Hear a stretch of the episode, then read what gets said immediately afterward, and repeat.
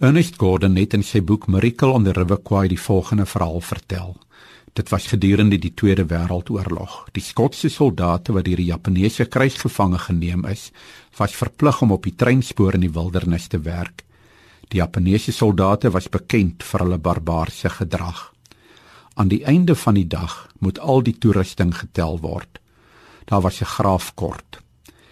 Die Japaneese soldaat dreig die skotte: "As julle nie die graaf bring nie, gaan ek julle almal hier doodskiet." Dit was baie duidelik dat hy bedoel het wat hy gesê het.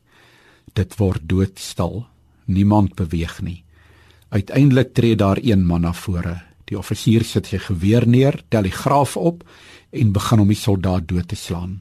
Toe alles verby was, tel die ander sy lyk op en dra dit saam met hulle tot by die volgende punt waar die gereedskap weer getel moet word. Hierdie keer was daar nie 'n graaf weg nie. Al die grawe was daar. Hulle het verkeerd getel by die eerste kontrolepunt. Hierdie verhaal het soos 'n veldbrand deur die hele kamp versprei. 'n Onskuldige man was bereid om te sterf sodat ander kon lewe. Die gebeurtenis het 'n geweldige effek gehad.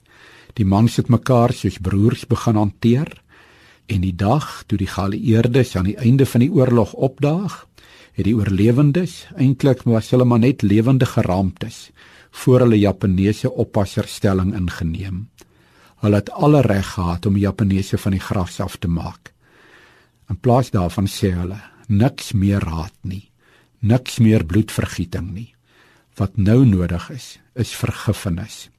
'n Opofferende liefde maak dat mense verander.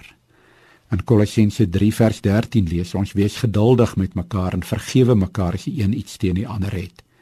Soos die Here julle vergewe het, moet julle mekaar ook vergewe." Dit is wat ons as gelowiges anders maak as die res van die wêreld.